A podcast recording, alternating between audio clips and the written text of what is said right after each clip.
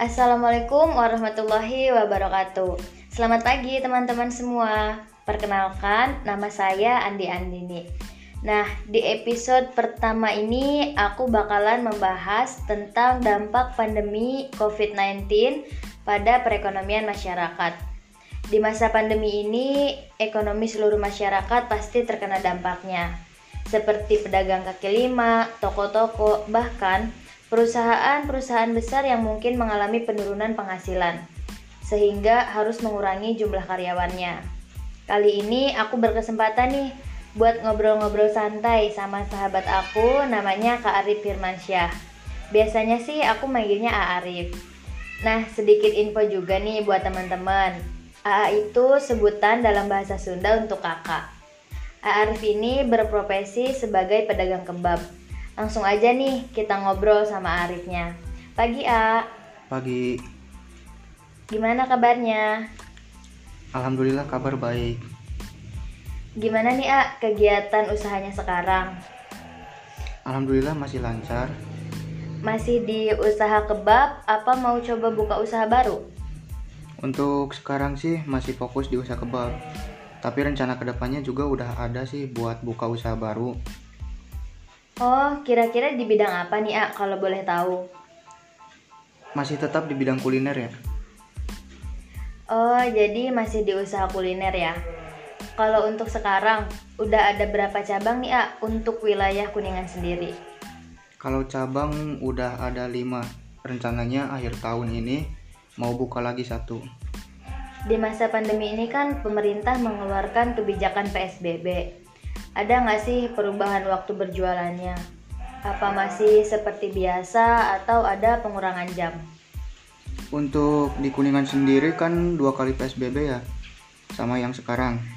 Kalau PSBB pertama sih perubahan waktu ada yang dari awal pedagang malam atau aktivitas malam dibatasi dibatasi hanya sampai jam 8 malam. Terus karena di wilayah Kuningan ada yang terpapar juga dipersempit jadi sampai jam 6 jam 6 sore untuk pedagang. Setelah ada kebijakan ini, ada nggak sih dampaknya sama penghasilan perharinya?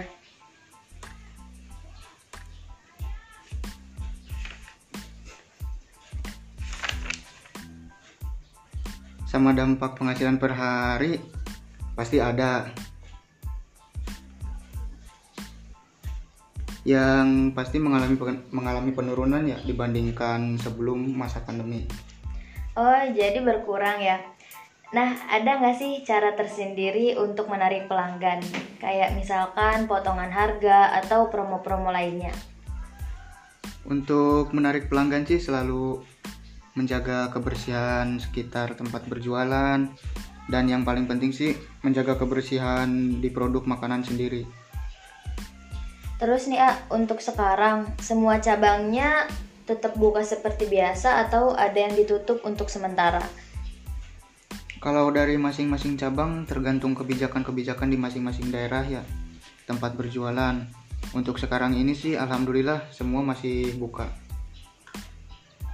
Oke, kalau gitu. Nah, apa sih harapan AA ke depannya nih? Untuk harapan semoga pandemi ini cepat berakhir dan perekonomian segera pulih kembali. Udah. Oke, A. Makasih banyak ya udah mau ngeluangin waktunya nih buat berbagi cerita sama kita semua. Semoga ke depannya usahanya semakin maju lagi dan lancar terus.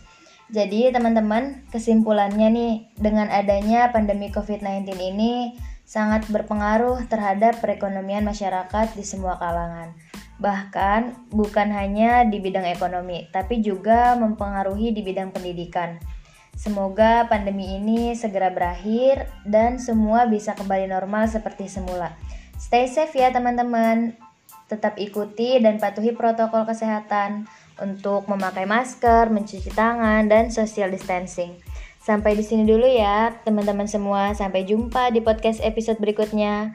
Mohon maaf kalau ada perkataan yang salah. Sekian dari aku, terima kasih. Wassalamualaikum warahmatullahi wabarakatuh.